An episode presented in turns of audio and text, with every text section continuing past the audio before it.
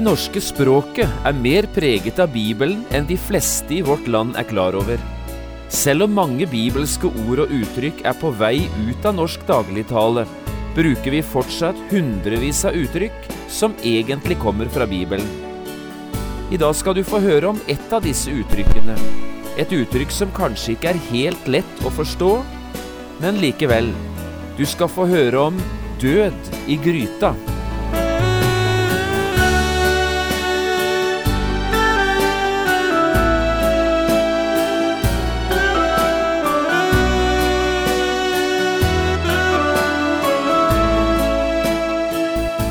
Hjertelig velkommen til et nytt program i serien Vindu mot livet. Programmet er produsert av Kristen Riksradio og blir ledet av Jon Hardang. Dette programmet er produsert med støtte fra Sambandet Forlag AS.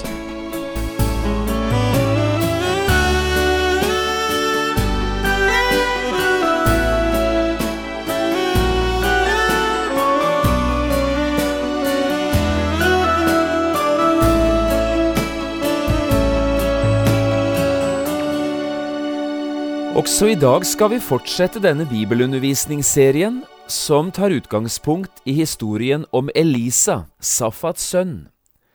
I tolv programmer skal vi gjøre en bibelvandring og ta fram en del av de viktigste begivenhetene i denne store profetens liv.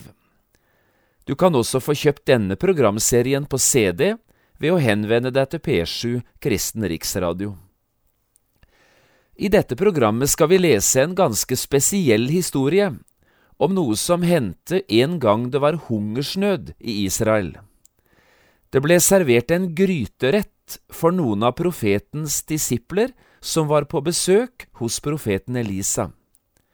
Dette måltidet kunne ha blitt en ren katastrofe hvis ikke profeten Elisa selv hadde grepet inn. Vi skal lese om dette fra andre kongebok i kapittel 4, og vi leser versene 38 til 41. Jeg har kalt dagens program Død i gryta. Elisa vendte tilbake til Gilgal. Det var den gang hungersnød i landet.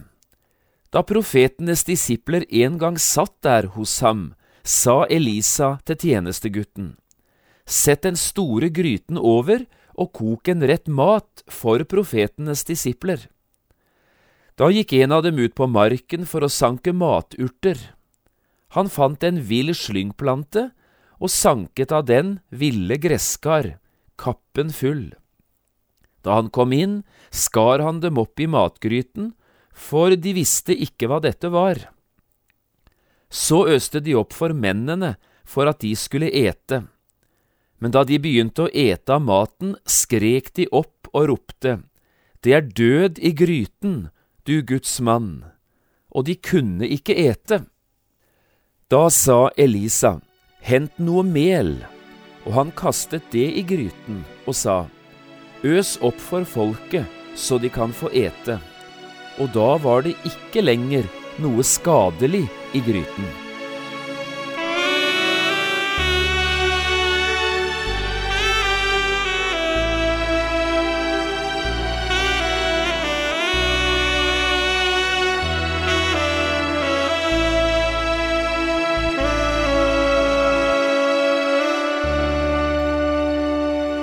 Det norske språket er mer preget av Bibelen enn de fleste i vårt land er klar over. Selv om mange bibelske ord og uttrykk er på vei ut av norsk dagligtale, bruker vi fortsatt hundrevis av uttrykk som er hentet fra Bibelen. Rekken av bibelske uttrykk er så lang at de fleste nordmenn var blitt svært overrasket om de egentlig hadde visst hvor lang denne lista var. Nå skal du få en bukett med slike uttrykk, som altså ikke bare har det til felles at de er mye brukt i det norske språket. De er felles også om dette at de har sitt opphav i Bibelen.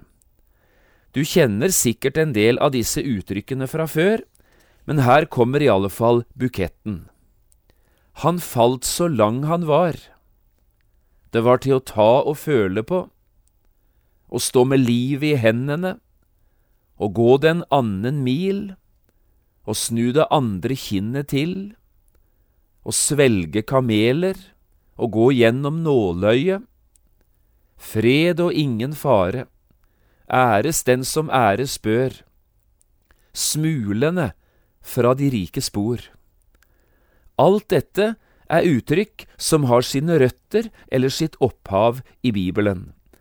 Og skulle vi nevne enda noe, så kunne vi jo nevne alle de måtene du i dag hører om det å være frelst på.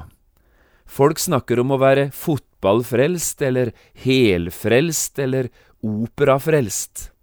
Også det uttrykket hører selvsagt hjemme i Bibelen, frelst. I det bibelavsnittet vi nettopp leste sammen, her fra andre kongebok fire, møter vi også et slikt uttrykk. Vi leste om død i gryten. Og det er dette uttrykket jeg også har gjort til overskrift over det programmet som vi nå er i gang med, Død i gryten. Og hva som ligger bakom dette uttrykket, ja, det er det du skal få høre litt om nå i dag. Det finnes egentlig to forskjellige beretninger fra Elisa Safat sønns livshistorie som handler om omtrent samme sak, og jeg vil nå gjerne gi deg et lite glimt av begge disse historiene. Den første er den historien vi nettopp leste sammen, fra andre kongebok fire. Historien er jo egentlig enkelt og greit fortalt i Bibelen. Men la oss gjenta litt om det vi leste. Det var altså hungersnød i Israel og stor mangel på mat. Profeten Elisa hadde en dag besøk av en del profetdisipler, og et stykke utpå dagen ber han en av sine tjenere om å sette over den store gryta, så de kan servere alle disse disiplene et godt måltid mat. En av tjenerne gikk ut på marken for å sanke maturter. Denne dagen fant han en vill slyngplante, og selv om han ikke helt visste hva slags plante det var, sanket han sammen en hel haug av de ville fruktene og tok dem med tilbake til huset. Her ble fruktene skåret opp i biter og lagt opp i den store gryten, og da gryteretten var gjort ferdig, ble disiplene invitert til bords og maten servert. Men de var ikke mer enn så vidt i gang med måltidet, før flere av dem ropte Død i gryten! Det er død i gryten! Her har du altså uttrykket, slik det for første og faktisk eneste gang er brukt i Bibelen. Det handler konkret om mat som er uspiselig, og i overført betydning bruker vi det om ting som kan være livstruende eller farlig dersom du tar det til deg. Men det er også noe annet som er like bemerkelsesverdig i denne historien som selve uttrykket død i gryten. Det er det profeten Elisa gjør når han blir gjort oppmerksom på at denne gryteretten er livsfarlig å spise. Han tømmer ikke maten ut av gryta. Han går heller ikke i gang med å prøve å skille det vonde, det farlige, ut fra det som er godt og spiselig, det ville jo bare være helt umulig i en gryterett. Elisa gjør noe helt annet. Kan du huske hva han gjorde? Jo, det leste vi på denne måten.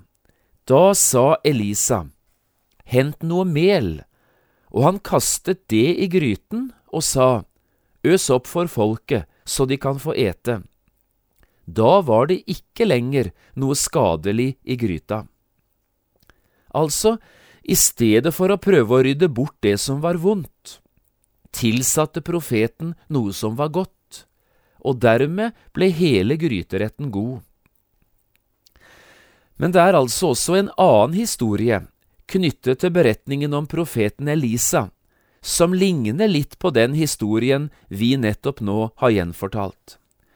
Den finner vi allerede i kapittel to i andre kongebok og den vesle beretningen vil jeg lese i sin helhet.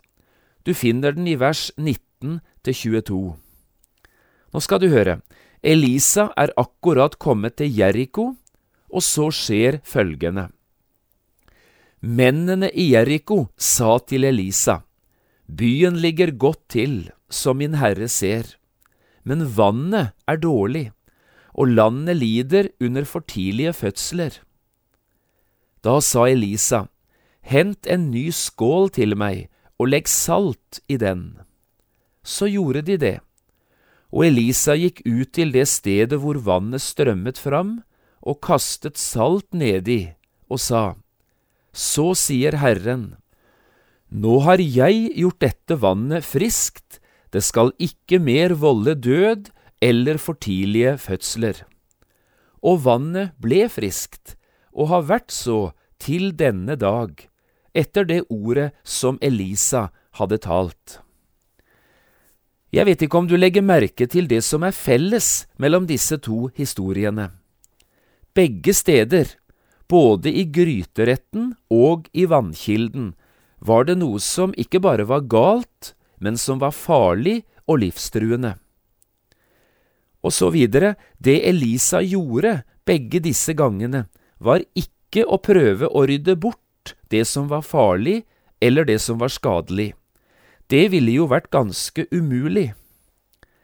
I stedet gjorde han noe helt annet. Han prøvde å tilsette noe som var godt. Og så skjedde det at tilførselen av det som var rent og godt, det gjorde at alt ble godt. Gryteretten ble spiselig, og vannkilden ble god. Og så tenker jeg, har dette noe å lære deg og meg, vi som lever i dag? Svaret er ja. Dette har noe utrolig viktig å lære oss. Nå skal du bare få høre. Jeg vil prøve å peke på tre forskjellige områder. Det første skal handle om den kristne forkynnelsen.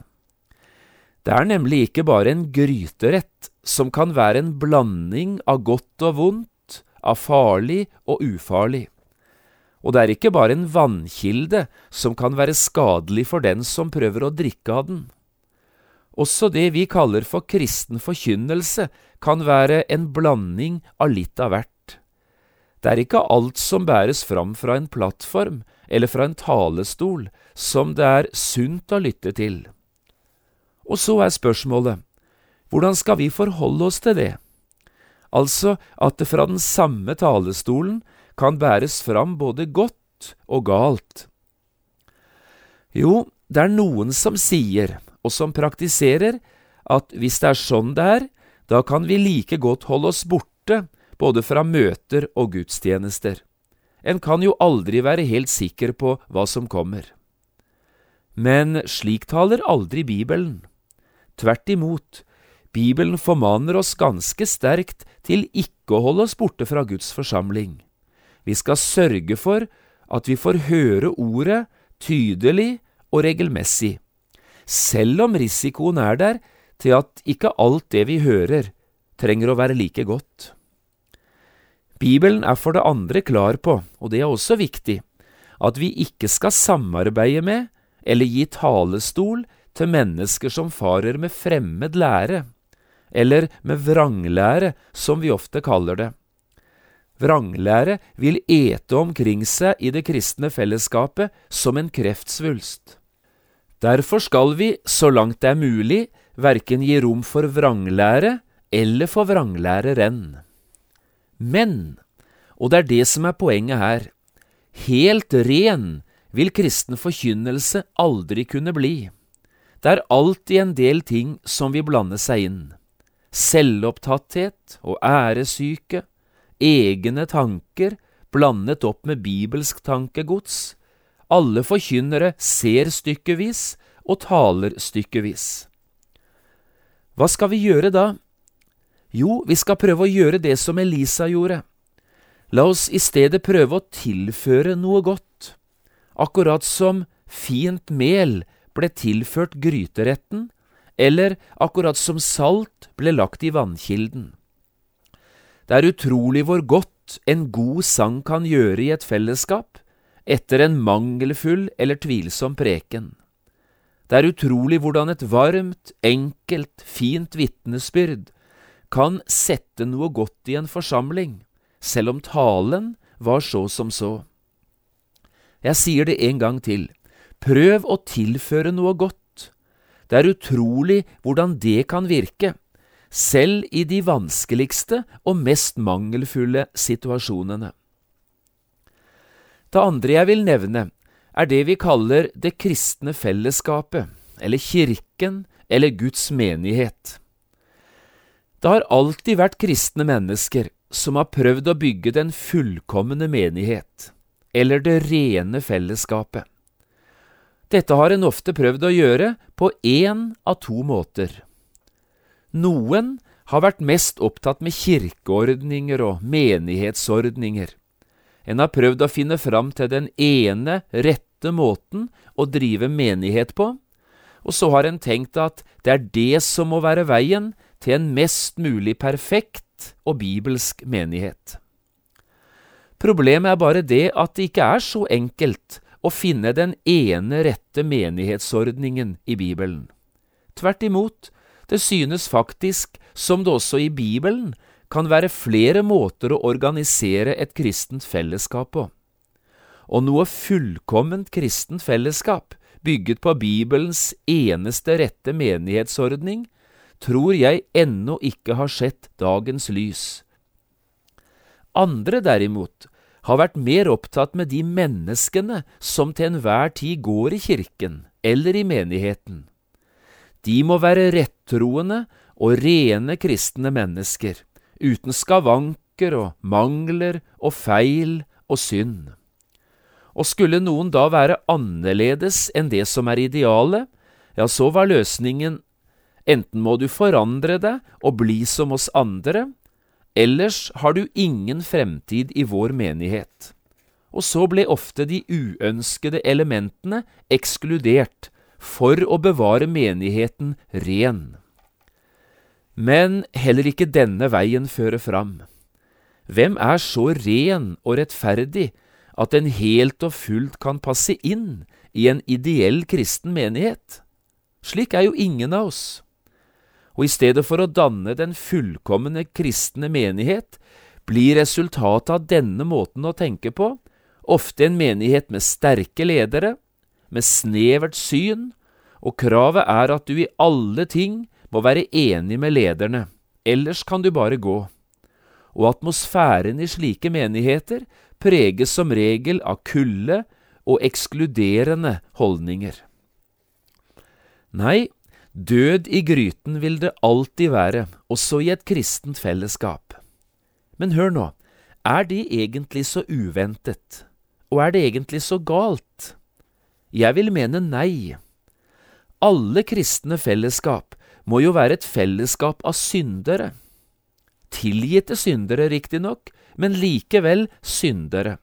Med syndige tanker, syndige vaner, og ikke minst en syndig natur.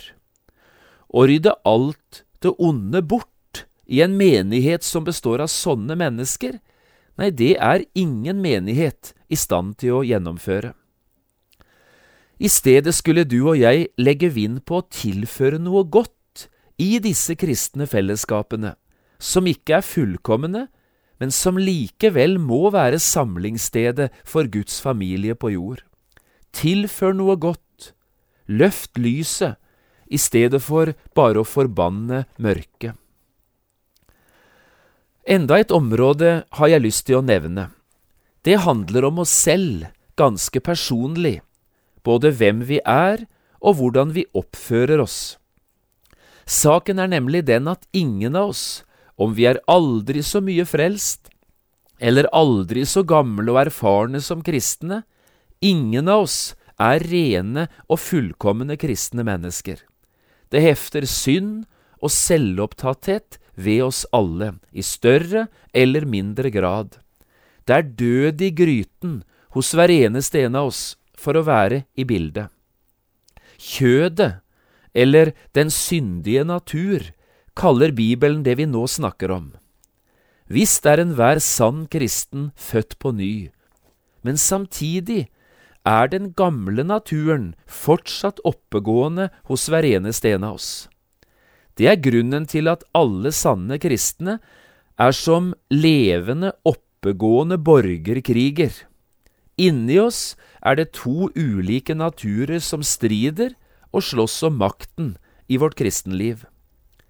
Det er dette som forklarer den spenningen mange av oss opplever hver eneste dag. Vi både vil og ikke vil. Vi har lyst til noe, og samtidig har vi ikke lyst. Blir jeg aldri annerledes, spør mange ærlige kristne mennesker. Svaret er ganske enkelt nei, du blir aldri annerledes. Så lenge du er i denne verden, vil du måtte slite med den gamle, syndige naturen. Du blir aldri kvitt motstanden inni deg selv, mot det som er rett og godt. Det vil være død i gryten så lenge du lever, helt til den dagen du trekker ditt siste pust i denne verden. Men alt er ikke sagt med dette.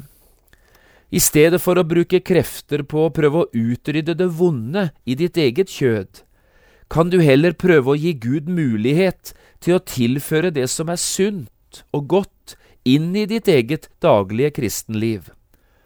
Gud er rik på kjærlighet, på nåde og tilgivelse. Gud vil tilføre sitt gode ord, sitt lys og sin varme. Gud vil gi håp inn i håpløsheten. Ingen av oss kan nekte å gi den gamle Adam huserom, men vi kan nekte å gi han mat. Vi kan sette den gamle naturen på faste, og i stedet være opptatt med å, å ta til oss ting som styrker det gode, altså tilføre noe godt. Vi skal slippe lenger å tjene og nyte det som hørte det gamle livet til. Når det skjer, kommer utrolige ting til å bli utløst. Helliggjørelse kaller Bibelen dette. Å møte godhet gir en helt ny lyst til å være god. Å møte tilgivelse vekker inni oss en lyst til selv å bli et tilgivende menneske. Det er når vi møter forståelse og overbærenhet selv, at det skapes en lyst inni oss til å bli overbærende og forståelsesfulle mennesker. Jesus både er og har alt det som du og jeg trenger for vårt daglige kristenliv. Og hvis Jesus får være og gjøre det for oss som bare han er i stand til, ja, så skaper det en ny lyst inni oss til det å følge Jesus selv, til det å være god, til hver eneste dag å prøve å gjøre det som Jesus ville ha gjort. Det er her hemmeligheten ligger. Tilfør noe godt, så vil det skje noe godt, også med deg selv. Bli værende i Jesu kjærlighet. Bare slik blir du og jeg i stand til å elske vår neste som oss selv. Det handler om å tilføre det gode.